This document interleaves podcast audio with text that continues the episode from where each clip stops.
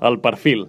Avui a l'Efecte Sonor fem el perfil d'Eric Sanz, guitarrista manresà i director de l'Escola de Música Moderna Espai Musical de Manresa.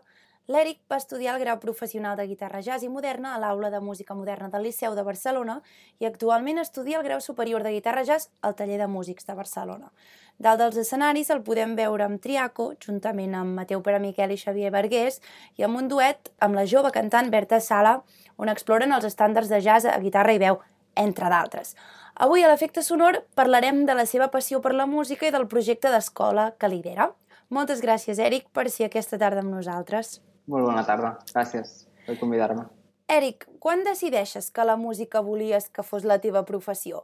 Perquè, malgrat tot el que acabem de repassar ara mateix sobre la teva carrera musical, tu vas estudiar Enginyeria Tècnica Mecànica a la Universitat Politècnica de Manresa. Correcte, recordo que van ser uns anys molt durs. Uh, no ho sé, suposo que a mesura d'anar fent classes, de trobar-te a casa còmode amb alumnes, eh, va arribar un dia que vaig dir vull tirar això una mica més, més en sèrio i jo crec que més o menys va ser fa, fa com uns 10 anys que, que més o menys tenia la idea de, de muntar l'escola al cap, més o menys. Quan va ser el primer cop que vas tenir una guitarra entre els dits?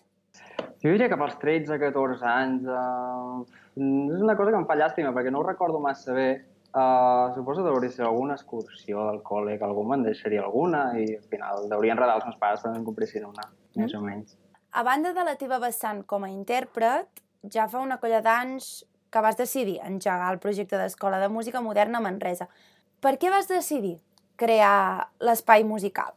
A mi em, em va semblar que, que en aquell moment, igual que ara, uh, hi, havia, hi havia molta música, hi havia molts músics, uh, locals on, on tocar, i, i trobava a faltar alguna coseta més. Llavors vaig dir, doncs mira, m'hi tiro, tiro de cap i, i vaig fer això, vaig agafar l'escola i, i a tope amb les classes. Què t'agrada ensenyar als teus alumnes? M'agrada... És que hi ha tantes coses, tu, que també, que també ets profe, ja ho saps. No sé, m'agrada... Jo sempre... Hi ha, un, hi ha, un, hi ha una cosa que, que m'agrada dir als, als alumnes, que, que jo els dic que, que, que vinguin a classe i que em robin que em robin idees, que em robin frases, que em robin motius, que, no sé, la, la meva forma de tocar, de, de, de, de dir-li com vulguis, no? Però al final, quan vas amb un profe, el vols com exprimir una mica i, i que t'agafin les idees i intentar transmetre tot això als teus alumnes. Això és el que m'agrada més. El teu instrument, tal com hem explicat, és la guitarra, però sobretot la guitarra jazz. Per què el jazz? Què té aquest estil que t'atregui? No ho sé, és com, és com molta gent que, que potser hem vingut més del... que hem tocat més rock, uh, coses de blues.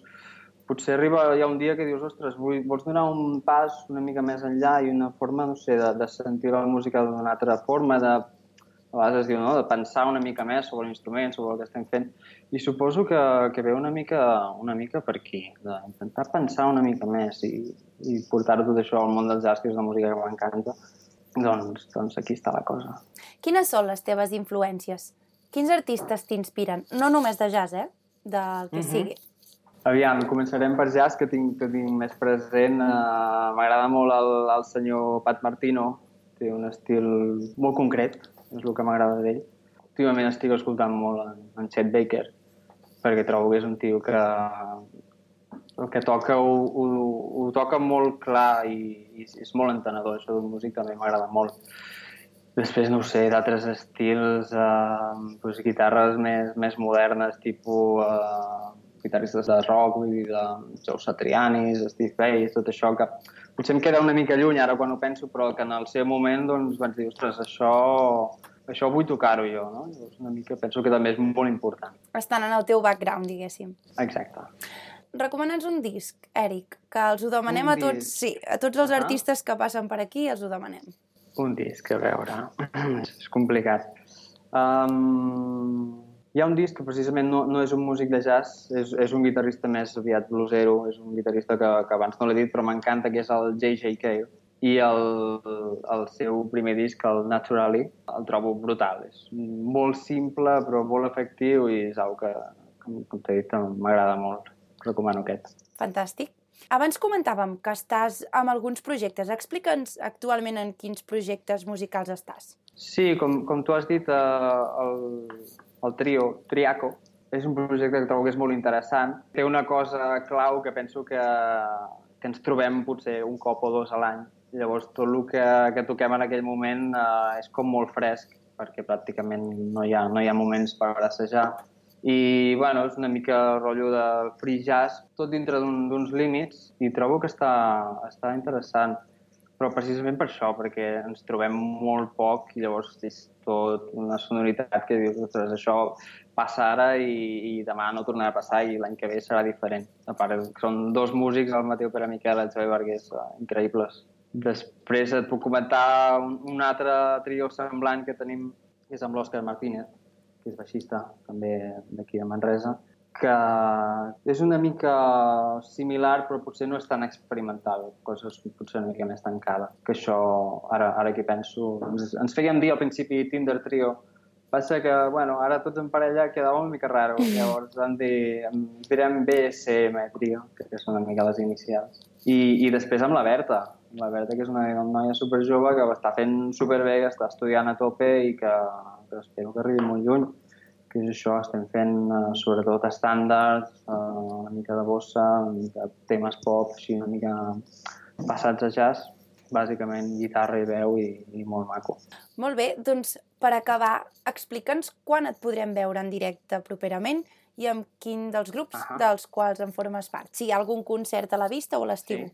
Hi ha alguns concerts amb la Berta, ara, ara quedaré fatal perquè no recordo el, el que tenim, és el juliol, Bueno, ho posareu segurament a les vostres pròpies xarxes socials. Segurament, segurament. Per tant, que si algú li ve de gust, que busqui a Eric Sats al Facebook. Que estigui al cas. Sí, que estigui al cas. Perfecte, doncs et veurem al juliol.